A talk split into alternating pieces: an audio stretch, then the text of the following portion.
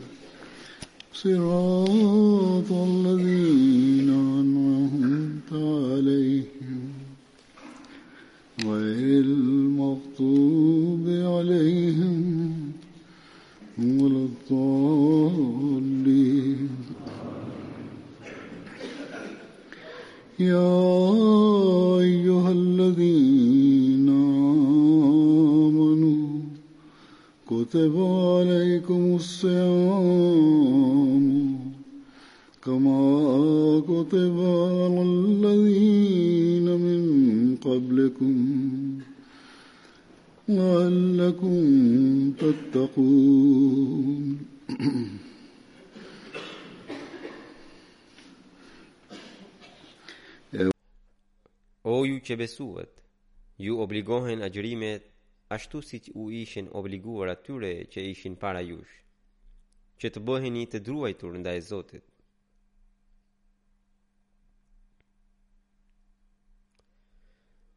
Me bekimin e Zotit të madrishëm, ne edhe një herë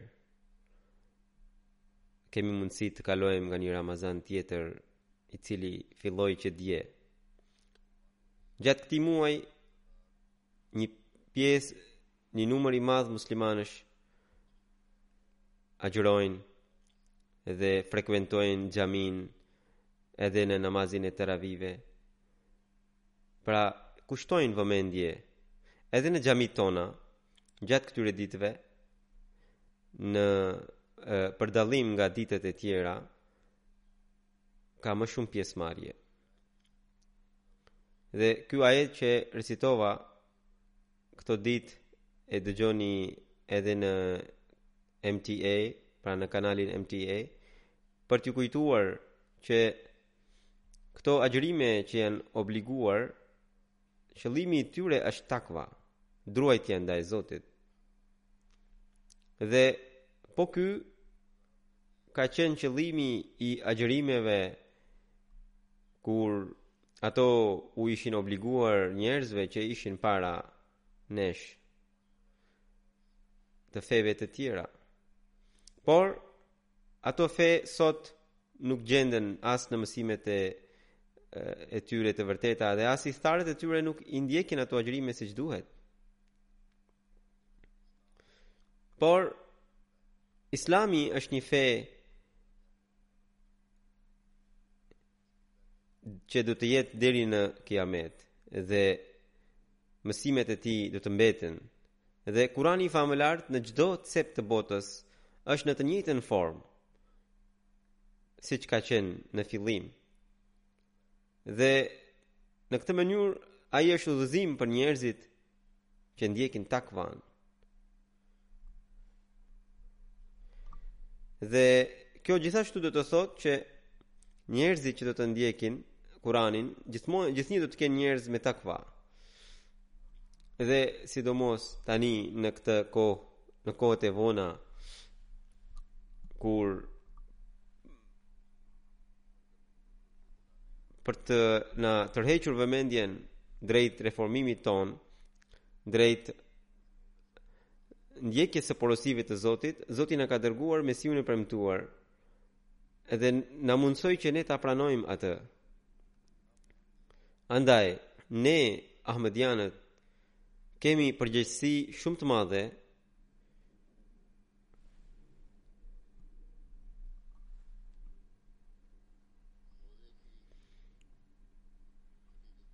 që ta kuptojmë thelbin e agjërimit dhe të përpiqemi ta arrijmë atë që është edhe qëllimi i Ramazanit. Domethënë, ta arrijmë takvan dhe të përparojmë në të. pa, pas këtij ajeti në ajetet vijuese pra Allahu përmend kushtet e ndryshme të agjërimit dhe na tërheq vëmendjen për të lexuar Kur'anin, për t'u thelluar në të dhe për të zbatuar edhe porositë e tjera, por thelbi i të gjitha këtyre poriseve, porosive është pikërisht në këtë fjalë, që është takva. Andaj duke na tërhequr vëmendjen gjatë këtij muaji ne sidomos duhet përpiqemi për ta arrijmë takvan në mënyrë që përgjithmonë këto vepra të bëhen pjesë e jetës sonë. Andaj, gjatë Ramazanit, kur ne përpiqemi për ta arritur takvan, ose kur përpiqemi për këtë gjë, atëherë do të kushtojmë më shumë vëmendje në adhurimin ndaj Zotit. Nëse ne do të agjërojmë duke arritur takvan, atëherë vetvetiu do të na vijë në mendje që si të shpëtojmë nga mëkatet. Vetvetiu do të interesohemi për të kërkuar porosi të ndryshme të Zotit dhe për t'i zbatuar ato. Nëse ne nuk tërhiqemi nga mëkatet, qofshin ato që na dëmtojnë neve, qofshin ato që përmes tyre ne i lëndojmë të tjerët,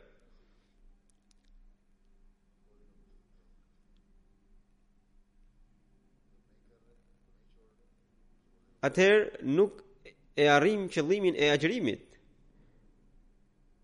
Edhe arritja e qëllimit të agjërimit është pikërisht takva.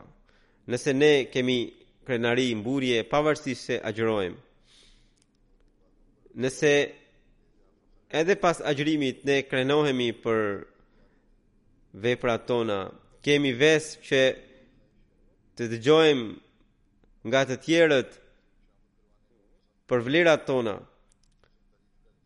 Synojmë që nëpunësit tanë të na lëvdojnë, të përlëvdojnë, edhe kemi dëshirë që të dallohemi para të tjerëve si njerëz të mirë, kjo nuk është takva. Në agjërim, nëse ne nuk shpëtojmë nga gënjeshtrat, grindjet, mosmarrëveshjet, atëherë kjo nuk është takva.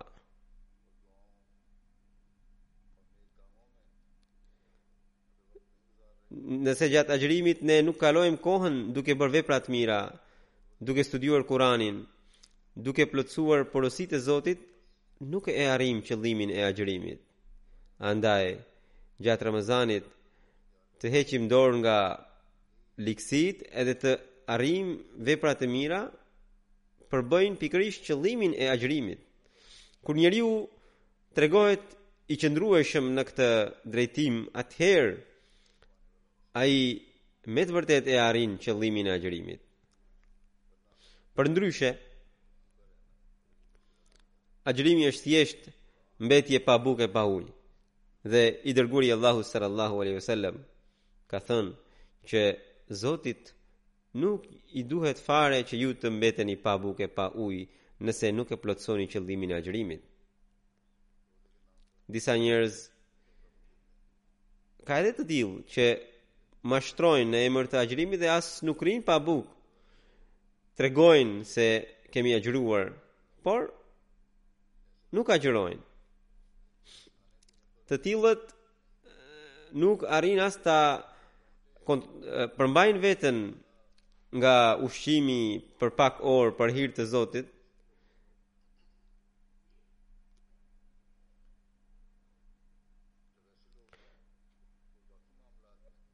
Njerëzit e tillë kur janë në këtë gjendje si mund të përmbajnë veten përballë tundimeve të nefsit.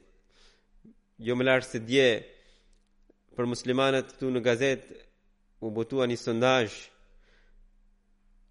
i cili jepte përfundimin që një pjesë e madhe e të rinjve këtu agjërojnë për sy e faqe edhe që nuk e din qëllimin e agjërimit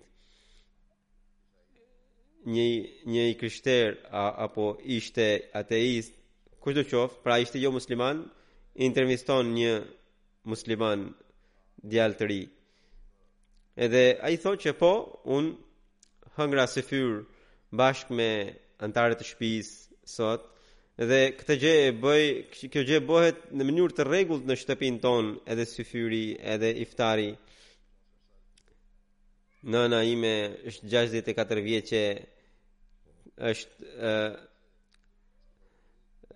ka edhe diabet, por prap agjëron dhe bën lloj-lloj ushqimesh për ne për iftar dhe ne tani do të shkojmë dhe do ham iftar, por e vërteta është ai djali i ri thoshte që e bëjmë më shumë për shkak të kënaqur anëtarët e familjes, Dhe thot që unë sot kam ngrën syfyrin, por në drek unë kam ngrën peshk.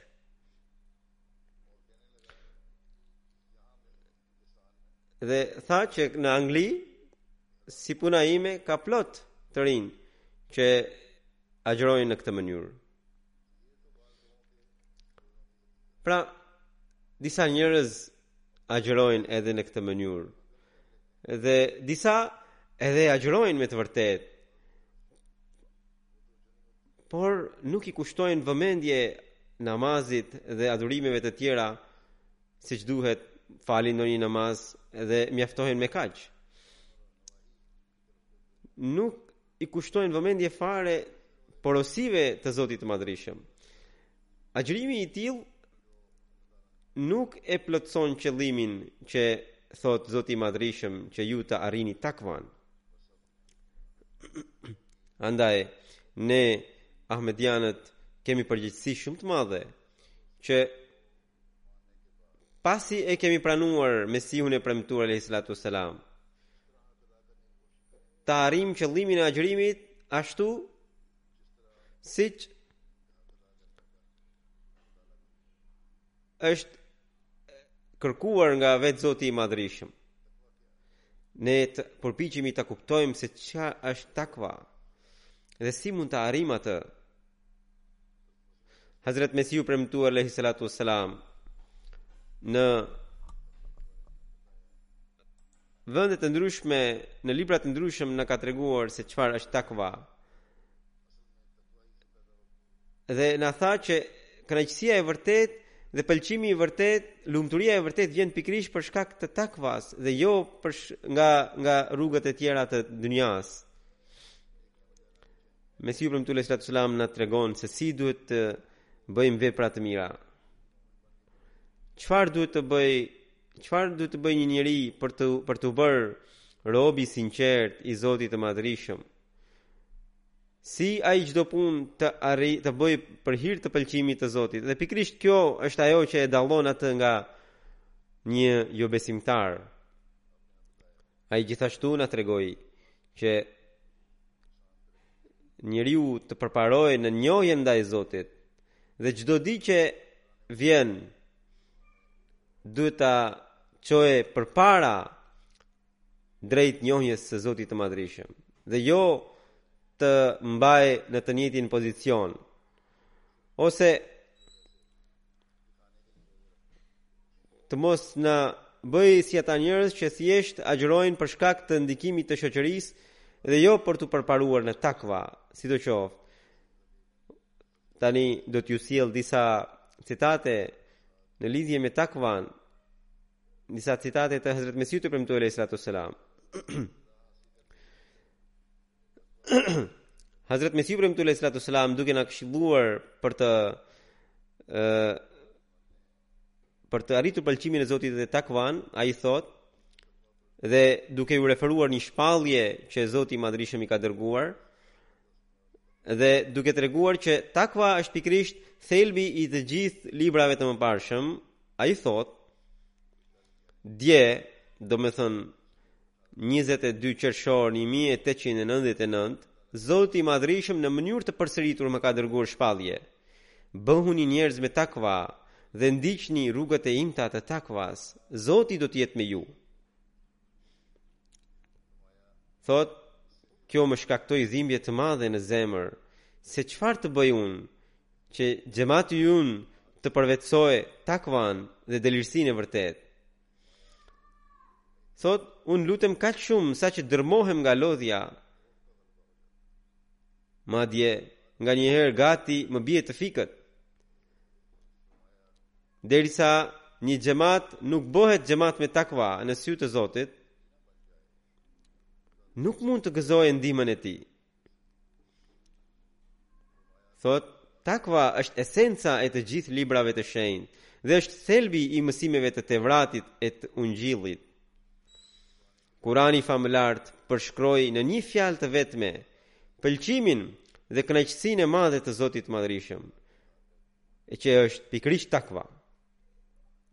Thotë, unë mundohem që t'i veçoj në, xhem, në xhematin tim ata që me të vërtetë kanë takva, që besimit i japin përparësi mbi botën, që shkëputen nga bota për të, shkru, për të shkuar drejt Allahut dhe atyre t'u jap punë të fesë, e më pas të mos shqetësohem fare për ata që janë të zhytur në brengat e kësaj bote dhe natë e ditë janë vetëm në kërkim të dynjasë. Kjo ishte dhimbja e tij se çdo anëtar i xhematit tim ta ndjekë takvan dhe jo të ketë thjesht brengën e dynjasë. Më pas, duke treguar që ndjekja e takvas është pikërisht thelbi i sheriatit dhe nëse doni që juve t'ju pranohen lutjet, duhet të ndiqni takva, Ai thotë që duhet që të ndiqni rrugën e takva sepse takvaja është ajo që mund të thuhet se është thelbi i sheriatit, pra duke iu drejtuar ahmedianëve, ai thotë. Thotë që nëse dëshirojmë ta përmbledhim sheriatin në një fjalë, atëherë ajo është pikërisht takva. Takvaja ka shumë shkallë dhe nivele. Por nëse duke qenë i sinqertë fillon rrugëtimin që në nivelin e parë të takvas, ai me ndihmën e Zotit mund të arrijë edhe nivele të larta të saj. Pra, qëndrueshmëria është e nevojshme në çdo vepër të mirë, qoftë të vogël apo të madhe. Ai thotë, Allahu i Madhërishëm thotë: "Inna ma yataqabbalu Allahu min al-muttaqin."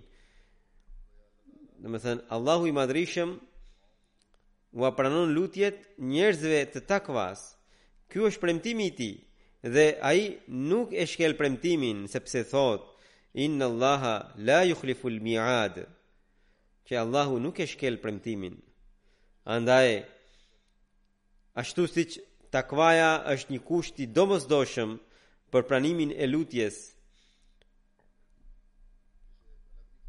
që nuk mund ta ndajmë dot.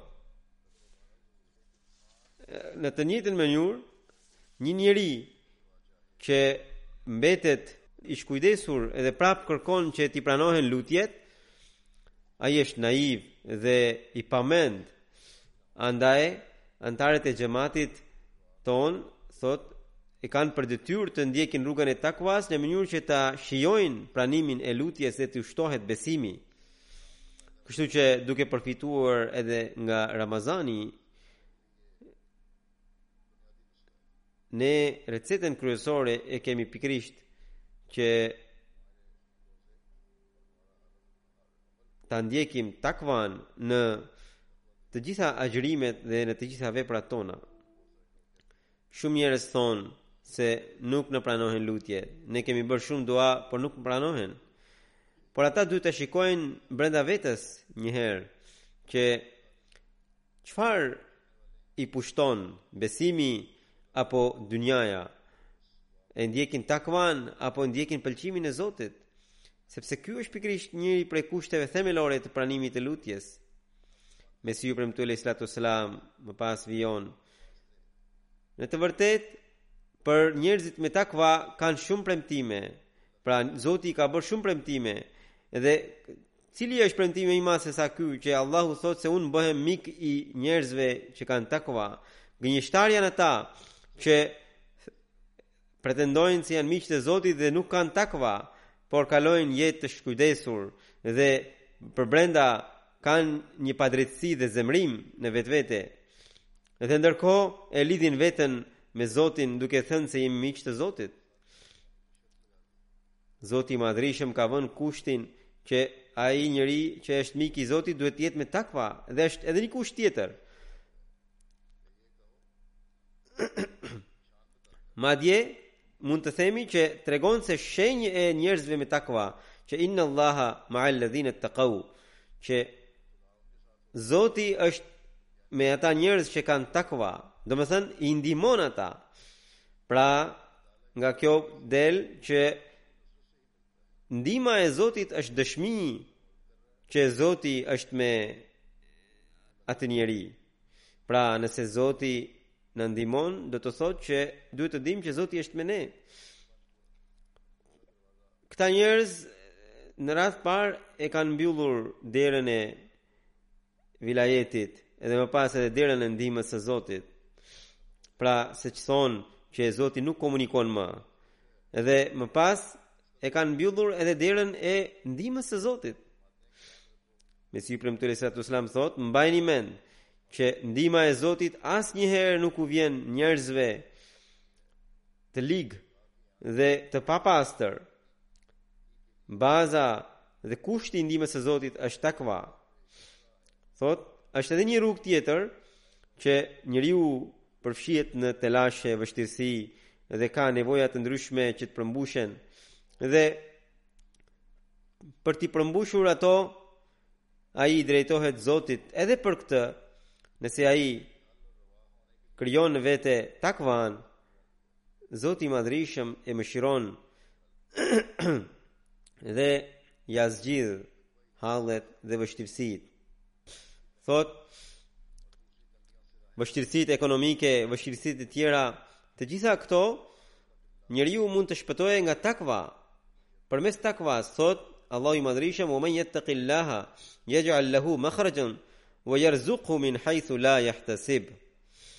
Që ai që përvetëson takvan, Allahu i hap rrugën nga një drejtim ku ai nuk priste, ku ai nuk pret dot. Domethënë i hap rrugën papritmas. dhe nga e padukshmja i sjell zgjidhjen e vështirësisë. I jep furnizim në atë mënyrë që ai nuk e imagjinon dot. Prandaj duhet ta mbajmë mend këtë ajet, "Wa man yattaqillaha yaj'al lahu makhrajan wa yarzuqhu min haythu la yahtasib." Këtë njëri gjithnjë njeriu duhet ta ketë parasysh, sepse në këtë mënyrë atij i kushtohet vëmendja që të ndjekë rrugën e takvas, thotë Mesihu i Premtuar alejhi selatu ve selam. Mendojeni mirë që çfarë do njeriu në këtë botë. Dëshira më e madhe e tij është që ai të gjejë lumturi. Dhe për këtë Zoti i Madhërishëm ka lënë vetëm një rrugë, e cila quhet rruga e takvas, e cila në me fjalë të tjera quhet edhe rruga e Kur'anit famëlartë ose quhet edhe sirati mustaqim, pra rruga e drejtë. Le të mos thotë njeri që mohuesit kanë plot pasuri e para, prona dhe ata po kalojnë jetë të shthurur dhe luksoze. Sinqerisht ju them të vërtetën. Ata në sytë e njerëzve materialistë janë të lumtur, por në të vërtetë ata janë në një zjarr, në një shqetësim, në një brengë. Ju keni parë fytyrat e tyre, por unë i shoh zemrat. Ata janë përfshirë në një xhehenem të prangosur dhe në zinxhir. siç Allahu i Madhërishëm thotë në Kur'an, Inna a'tadna lil kafirina salasila wa aghlalan wa sa'ira, që ne Zoti thotë ne kemi përgatitur për mohuesit një xhehenem zjarr me pranga dhe zinxhirë. Mesihu i Premtuar alaihi salatu wasalam thotë, njerëzit e tillë kurrsesi nuk mund të vijnë drejt mirësisë sepse prangat janë kaq të forta saqë gjithnjë vijnë duke rënë më më keq se shtazët, sepse synimi i tyre gjithnjë është drejt botës dhe ata janë të kërrusur vetëm pas tokës.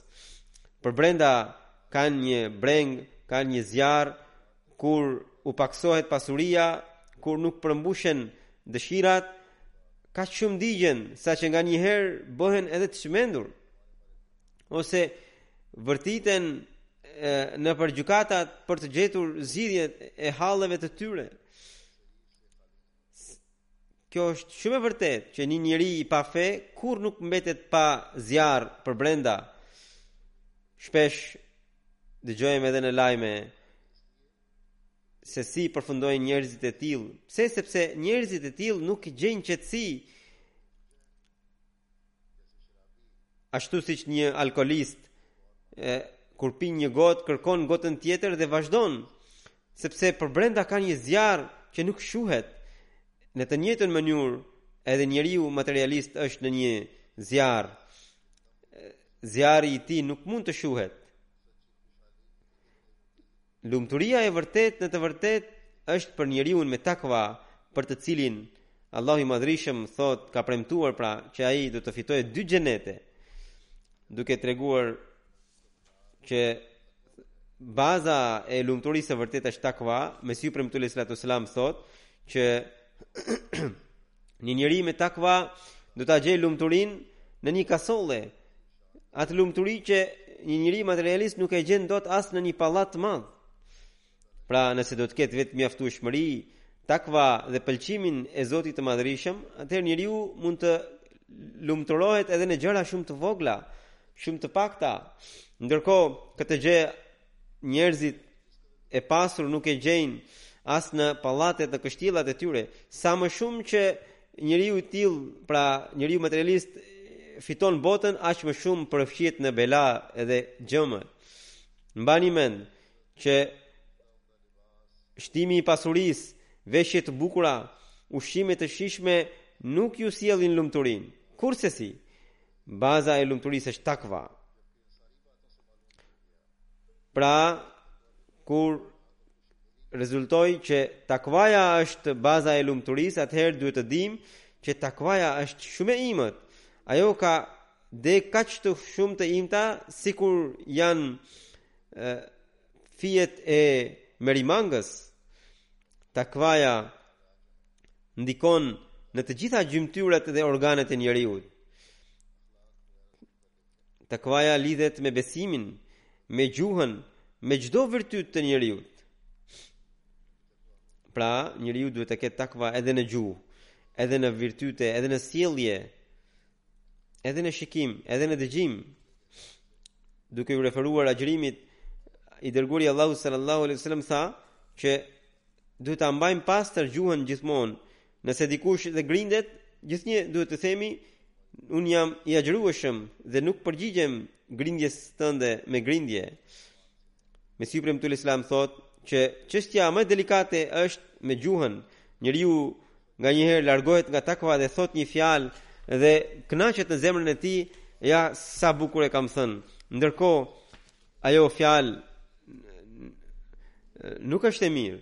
M'u, m'u kujtua një rrëfim që një njeri të Zotit e ftoi një njeri materialist. Tani duhet të shikojmë që nuk, kan, nuk është e mjaftueshme të ruhemi vetëm nga gjërat e mëdhaja, ligësitë e mëdhaja, por edhe gjërat shumë të vogla. Qoftë ato që ne flasim në përditshmëri, sepse nga mungesa e takvas ne shprehim disa fjalë që na, që na largojnë mirësitë. Thotë që një njeri materialist ftoi një njeri të Zotit kur ai shkoi për të ngrënë bukë tek ai, Ky njeriu materialist tha shërbëtorin e vet, na sill pjatën ushqim në pjatën që kemi sjellë në haxhin e parë. Pastaj tha na sill ca ushqim edhe në atë pjatën e dytë që kemi marrë në haxhin e dytë. Pastaj tha na sill ush ca ushqim edhe në atë pjatën që kemi sjellë kur kemi bërë haxhin e tretë. Ai tha pra njeriu i Zotit i tha që është për të ardhur keq për gjendjen tënde, sepse me këtë fjali ti ke shkatërruar të gjithë të tria haxhet e tua, sepse ti synon që të tregosh ti synon që të tregoje të ke që ke bërë tri haxhe. Kurse Zoti i Madhërishëm ka porositur që ne duhet ta ruajmë gjuhën dhe nuk duhet të flasim fjalë të kota në vend e pa vend. Kështu që Allahu i Madhërishëm na porosit jo vetëm që të frenojmë gjuhët, që të mos lëndojmë të tjerët, por të frenojmë gjuhën edhe për të mos treguar vetveten, vetëpëlqimin, krenarinë, mburrjen, sepse edhe këto gjëra na largojnë nga mirësitë dhe nga takva. Edhe në këtë aspekt ne duhet të mendojmë. Ai thotë, pra Mesihu i Premtuar alejhi selam thotë, që Allahu i Madhërishëm na ka mësuar ijjaka na'budu, vetëm ty të adhurojmë. Edhe këtu munde që njeriu ta mbështetë në forcën e vet. Prandaj, menjëherë pas kësaj vjen lutja, ijjaka nasta'in, vetëm prej teje ndihmë kërkojmë dhe që na mëson që adhurimin që unë e bëj Duhet ta di që nuk e bëj për shkak të fuqisë sime, por derisa nuk do të kem ndihmën e Zotit, nuk mund të bëj dot asgjë. As adhurimin. Dhe më pas ne duhet të shikojmë që nuk na mësoi Zoti lutjen ijjaka a'budu wa ijjaka asta'in, pra vetëm ty të adhuroj dhe vetëm prej teje ndihmë kërkoj, por na mësoi në shumës. Edhe kjo na jep që ne të mos bëhemi pre e individualizmit, por të mendojmë edhe për të tjerët, vetëm nga gjuha, nga keqpërdurimi i gjuhës njeriu njeriu largohet nga takva.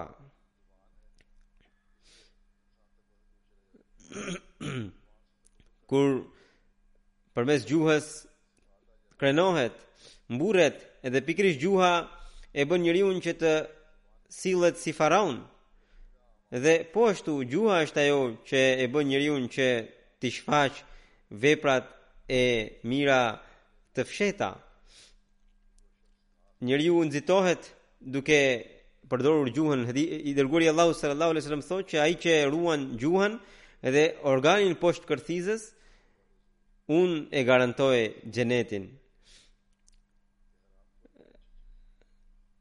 Nuk e dëmton njeriun ushqimi haram sesa për keqpërdorimi i gjuhës. Nga kjo le të mos mendojë dikush që të konsumuarit haram Lejohet, jo. Unë kam fjalën që një njeri që për shkak të vështirësisë ha mishin e derrit atij i lejohet por nëse ai me gjuhën e tij jep fetvan vendimin që mishi i derrit është i lejuar ai është larguar nga Islami. Kështu që Mesihu i Premtuar alejhi selam thotë që në këtë formë njeriu përmes gjuhës e bën të lejuar diçka që Zoti e ka ndaluar. Kjo tregon që keqpërdorimi i gjuhës është shumë i rrezikshëm, andaj njeriu me takva e frenon shumë gjuhën dhe nuk lejon që të flasë ndonjë gjë pa takva, andaj edhe ju, thotë Mesihu i Premtuar alejhi selam, sundojeni gjuhën tuaj dhe ju, mos e lejoni gjuhën t'ju sundojë ju, që ju të flisni fjalë të kota, në këtë agjërimet që kemi shtuar adhurimin, veprat, bashkë me këto shtesa Ne duhet të frenojmë edhe gjuhën në mënyrë që ta arrijmë qëllimin e agjërimit që është takva. Mesihu i Premtuar alejhi salatu ve selam thotë, mbajni mend gjithmonë duhet ta keni parasysh që sa keni përparuar në takva dhe në pastërti. Edhe kriteri është standardi është Kurani. Njëra prej shenjave të njeriut me takva, Allahu i madhërishëm thotë që ai Allahu pra e liron njeriun nga njeriun me takva nga ligësitë e botës dhe vetë bëhet mbështetësi i tij, siç thotë, "Wa man yattaqillaha yaj'al lahu makhrajan wa yarzuqhu min haythu la yahtasib." Domethënë, ai që i druhet Allahut, Allahu Papritmas i nxjerr rrugëdalje nga çdo vështirësi dhe i furnizon nga ato vende ku ai nuk i imagjinon. Kështu që kjo është njëra prej shenjave të njeriut me takva që Allahu nuk e lë në baltë njeriun me takva dhe gjithashtu e bën që ai të mos ketë fare dëshira të kota dhe nuk e bën që ai të varet nga këto dëshira Kjo është edhe njëra prej shenjave të takvas.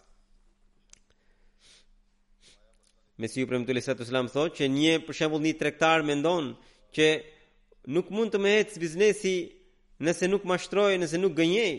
E prandaj ai nuk heq dorë nga këto vese.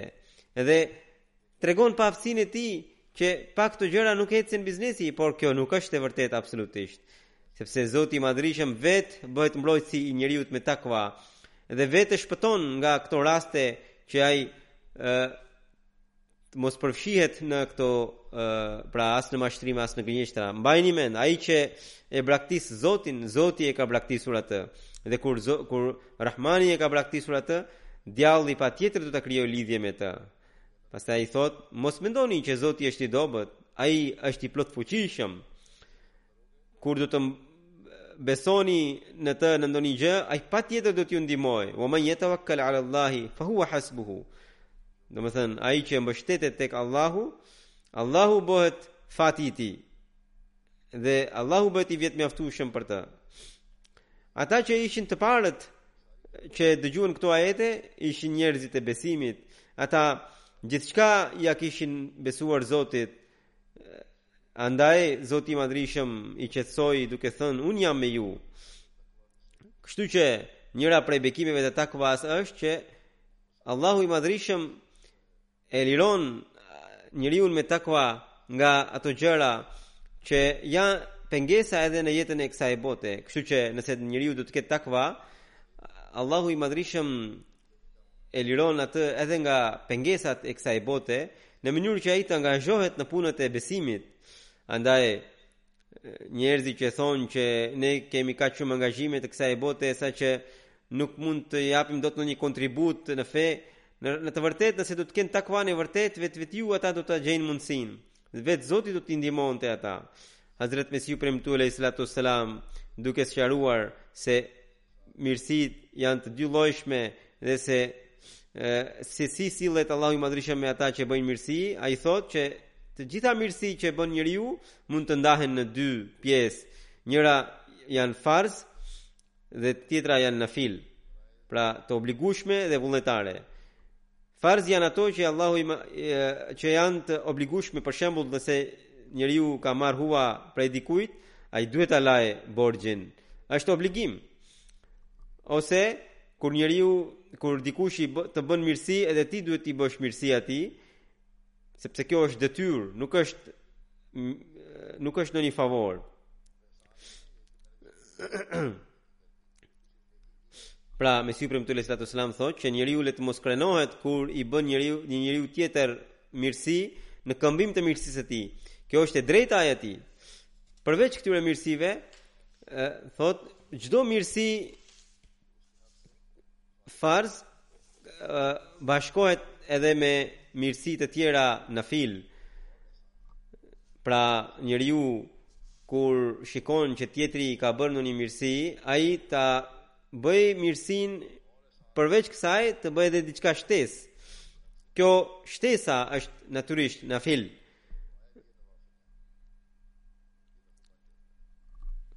Dhe këto nafile, këto nafile i përsosin farzet dhe i zbukurojnë farzet. Mesihu i Premtuar thotë që në hadith thuhet që evlijat, pra miqtë e Allahut, i përmbushin farzet përmes nafileve të tyre, domethënë ata përveç zekatit, japin edhe sadaka. Një, Allahu bëhet miku i njeriu të tillë, aq saqë Allahu thotë që unë bëhem duart e tij, këmbët e tij dhe gjuha e tij me të cilën ai flet. Mesihu i Premtuar alejhi selam thotë që E vërteta është që kur njeriu pastrohet nga ndjenjat, nga tundimet e nefsit dhe ndjek rrugën e Zotit, asnjë punë nuk e bën të paligjshme, çdo punë e tij bëhet nën pëlqimin e Zotit. Ndërsa kur njeriu përfshihet në bela, në vështirësi të mëdha, atëherë aty patjetër Ai ndodh që ai e shkel pëlqimin e Zotit. Prandaj atij i vijnë kaq shumë vështirësi. Për shembull, nga zemërimi ai nxjerr ndonjë fjalë që e përfshin në lloj-lloj padish dhe e detyron që të shkojë deri në gjykatë.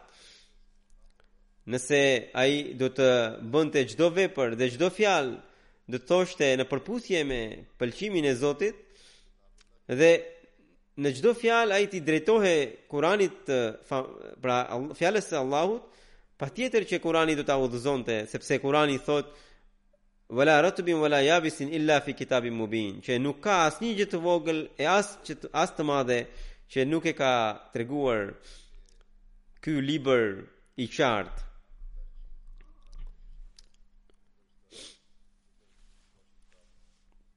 Mesihu i Premtuar alejhi selam vijon që nëse ne pra thotë nëse njeriu do të ketë vullnet dhe do të ketë vendosmëri që në çdo çështje do të këshillohet nga fjala e Allahut pra nga Kurani i famëlartë ai patjetër e gjen këshillën prej tij Në çështjet e kësaj bote kur njëri, kur njerëzit përfshihen në vështirësi ose kur bëjnë ndonjë punë të papëlqyeshme që sjell pasoja, ndodh sepse ata nuk e bëjnë nuk veprojnë sipas porosisë së Zotit. Kurse kur ata veprojnë gjithmonë gjithnjë sipas porosive të Zotit, atëherë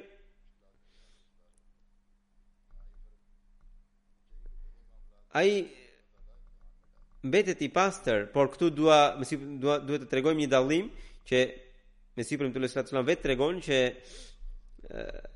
nganjëherë Allahu i vën në sprovë edhe njerëzit e besimit. Edhe në këtë aspekt pikërisht profetët kalojnë vështirësitë më të mëdha, por këto vështirësi u vijnë për t'ua shtuar besimin akoma më shumë. Ndërkohë, një njeri materialist futet në vështirësi për shkak se atë e sjell si pasojë të veprave të vet.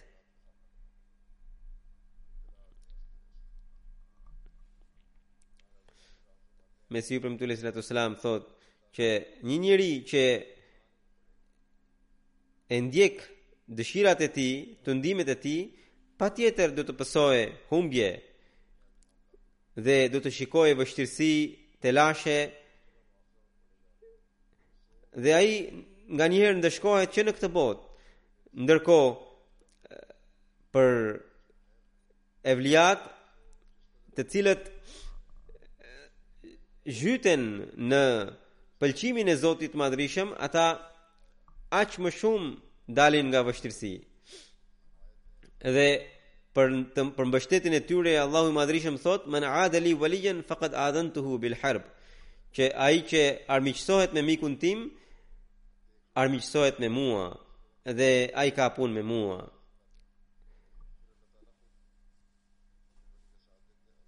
Pra, njerëzit e Zotit mbrohen nga Zoti i Madhërishëm. Thotë, shikoni se sa i madh është madhështia e e njeriut me takva, saqë të shqetësosh atë do të thotë që ta shqetësosh Zotin e Madhërishëm. Sa shumë Zoti do ta ndihmojë atë. Më pas duke na këshilluar që ne jetën duhet të kalojmë jo në luks, por me mjete sa më të pakta, Mesihu i Premtuar alejhis-selam thotë se një prej kushteve të takvas është që ta kalojnë jetën në varfëri. Thotë njëri prej kushteve të takvas është që ta kontrollojë zemrimin e vet. Provimi më i vështirë edhe për njerëzit më të lartë është që ta ruajnë zemërimin. Shpesh vetëpëlqimi dhe vetadhurimi krijohet nga zemërimi dhe ndodh edhe e kundërta, që kur njeriu zemërohet, ai bëhet pre e vetëpëlqimit dhe vetadhurimit, sepse kur njeriu zemërohet, ai Vetvetes i jep përparësi ndaj tjetrit. Unë nuk dëshiroj që anëtarët e xhamatit tim të zemërohen me njëri tjetrin, të tallen me njëri tjetrin. Zoti e di më mirë se kush është i madh dhe kush është i vogël. Duhet të druheni që fara e ligësisë që ju bën të poshtroni dhe të tallni tjetrin të mos përhapet në gjithë qenien tuaj. Disa njerëz kur janë të mëdhenj sillen me poshtërsi ndaj të vegjëlve, por i madhi është ai që sillet si i vogël edhe ndaj të voglit. Allahu i madhërishëm thotë: "Wala tanabazu bil alqabi bisal ismul fusuq ba'da al iman." Që mos i thërrisni të tjerët me nofka, me emra të këqinj, sepse pas besimit këto gjëra ju çojnë shumë larg nga drejt mosbesimit. Wa man lam yatub fa ulaika humuz zalimun. Dhe ai që nuk pendohet, nuk heq dorë nga këto gjëra, pikërisht të tillët janë të padrejtë. Mesihu i Premtuar alejhi selam thotë që prandaj ju mos thërrisni njëri tjetrin me nofka, Kjo punë është e të ligëve. Ai që poshtron tjetrin nuk vdes derisa nuk përballet me atë poshtërsi. Kur pini ujin nga i njëjti burim, kush mund të thotë se kush cili do të pijë më shumë ujë? Askush nuk mund të bëhet i nderuar në sytë e Zotit nga mjetet e kësaj bote. Allahu thotë inna akramakum indallahi atqakum inna Allaha alimun khabir. Që tek Allahu më i nderuari është ai që ka më shumë takva dhe sigurisht Allahu është i gjithinformuar dhe i gjithëdijshëm. Pra Allahu i madhërishëm di çdo gjë që takvan që ka njeriu e ka për dukje apo e ka me të vërtetë. Andaj, kur Allahu e di këtë gjë, atëherë ne duhet të kemi shumë frikë dhe duhet të analizojmë veten tonë me shumë frikë dhe duhet ta përvetësojmë takvan e vërtetë që Allahu na porositi. duke sqaruar që një besimtar një që ndjek takvan kur gëzon sukses cili është reagimi i tij si sillet ai ai thotë që mbani mend këtë parim gjithmonë që besimtari duhet që kur shikon ndonjë gëzim, ai përulet dhe e lavdëron Zotin e madhërishëm. Dhe çdo sukses i atribuon Zotit, duke thënë se ai ka dhënë bekimin. Dhe në këtë mënyrë, hedh hapin përpara. Dhe në çdo sprovë e ruan besimin edhe thotë një besimtar edhe një jo besimtar të dy gëzojnë suksese por i pari e, gëzon më pas mirësi të tjera kurse i dyti nuk gëzon mirësi por shkon drejt humbjes sepse ai që mohon Zotin forcën e vet dhe përpjekjet e veta i kujton si Zot ndërkohë besimtari Kur shikon ndonjë ndonjë gëzim, ndonjë sukses, ai krijon një lidhje të veçantë me Zotin e Madhërishëm, duke i atribuar atij suksesin dhe atëherë zo edhe Zoti do ta shton lidhjen e tij me të. Duhet të dini që Kurani famëlart shumë herë e ka përmendur fjalën takva. Mesihu i Premtuar alejhi selam thotë që Në këtë ajet, së pari pa, përpara fjalës takva është edhe ma'a, domethënë Zoti do të shoqërohet me njerëzit që kanë takva. Thotë besimi im është që nëse njeriu dëshiron të shpëtojë nga çdo lloj poshtërsie, nga çdo lloj vështirësi nga në këtë botë, e vetmja rrugë është që ai të ketë takvan. Sepse më pas ai nuk do të ketë asnjë humbje.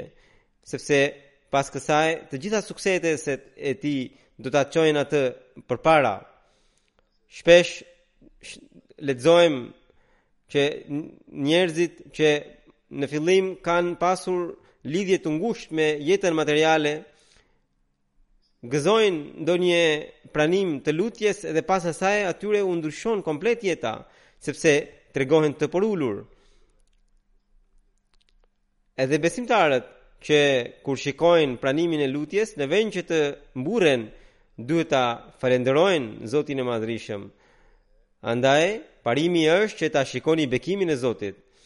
Dhe nëse do ta keni kështu, atëherë suksesi do t'ju sjellë akoma më shumë besim dhe akoma më shumë jetë dhe akoma më shumë njohje ndaj Zotit të Madhërishëm. Sepse gjëja më e madhe që do t'ju vijë në ndihmë është pikërisht njohja e Zotit dhe këtë do ta arrini duke u thelluar, duke përsiatur bekimet e Zotit të Madhërishëm. Mesihu i Premtuar alejhi selam thotë se nganjëherë edhe skamja e madhe e largon njeriun nga besimi. Prandaj, profeti thotë, al fakru suvadul vaxhhi, domethënë, skamja i bën njerëzit fatzinj. Mesihu i Premtuar alejhi selam thotë, njerëz të tillë kam parë vetë me sytë e mi, që për shkak të skamjes u bënë ateistë, por besimtari në asnjë mënyrë nuk e paragjykon Zotin dhe çdo skamje dhe çdo vështirësi ia atribuon vetvetes dhe pasoja i pandeh si pasojat e gabimeve të tij dhe kërkon ndihmën e Zotit dhe atij i kërkon falje dhe nëse ai do ta ketë këtë besim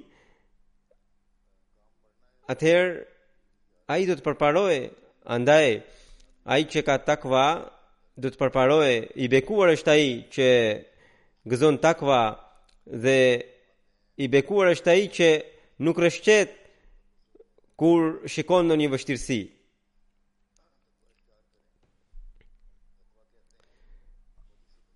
Takva do të thotë që të tërhiqesh nga mëkati, ndërsa muhsinun do të thotë jo vetëm që tërhiqen nga mëkati, por bëjnë mirësi. Dhe më pas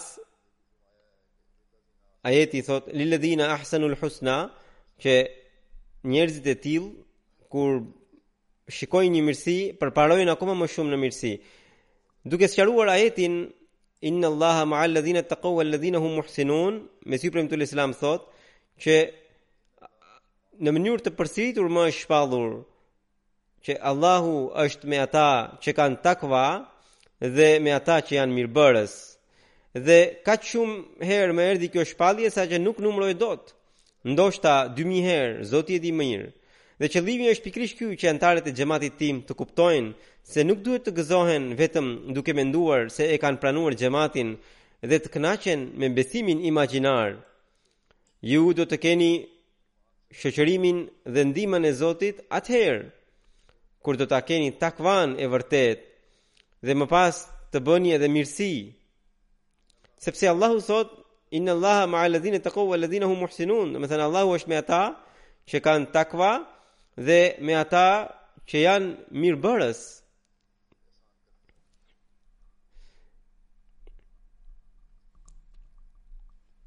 Mesihu i Premtuar alejhi selam thot që njeriu do ta ketë shoqërimin me Allahun vetëm dhe ndihmën me Allahun vetëm atëherë kur do ta ketë takva. Sepse kështu është edhe premtimi i tij. Thot Zoti i Madhrishëm bën bilancin e veprave të njeriut. Por edhe njeriu duhet të bëjë një bilanc të gjendjes dhe të veprave të vet. E sotshmja e tij nuk duhet të jetë njësoj me të djeshmen. Ai që i ka njësoj këto dy kohë është në humbje.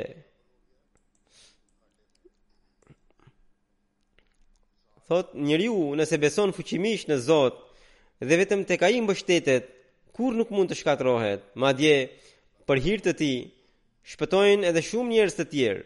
Një njeri, thot, Mesihu i Premtuar alejhi selam jep shembullin, një njeri që ishte ndër evliat e Zotit, përmendet që po udhëtonte në një anije. Gjatë udhëtimit në det u prish koha, dallgët e fuqishme e përfshinë anijen, saqë ajo gati do të fundosej, por për shkak të lutjeve të tij, Zoti e shpëtoi, dhe gjatë lutjes atij i dërgoi shpallje për hir tëndin, kam shpëtuar dhe udhëtarët e tjerë. Mesihu i Premtuar alejhi selam thot se, por kjo Shkallë nuk arrihet thjesht me fjalë goje, por duhen shumë përpjekje. Më pas ai thot, edhe me mua Zoti ka premtuar që uh, unë do të mbroj njerëzit që janë në shtëpinë tënde, por për këtë, thot, ju duhet të keni takvan, edhe që ju të keni pranimin e lutjeve të mia, juve ju duhet që të Bëni veten të denjë për të arritur këto lutje dhe për këto takva është kushti i domosdoshëm.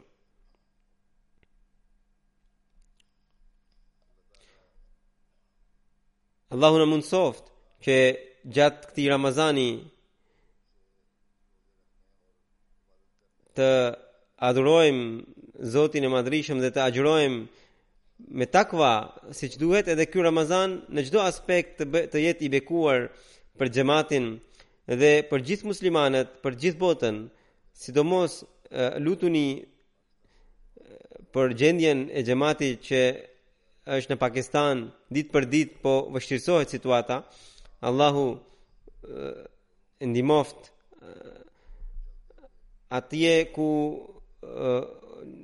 agjërojnë anëtarët e xhematit le të agjërojnë duke përmbushur standardin kriterin e takvas Dhe gjithashtu edhe muslimanët Zoti i bëftë që ta ndjekin rrugën e takvas, liderët e tyre, ulemat e tyre, dijetarët e tyre i bëftë që ta njohin imamin e kohës.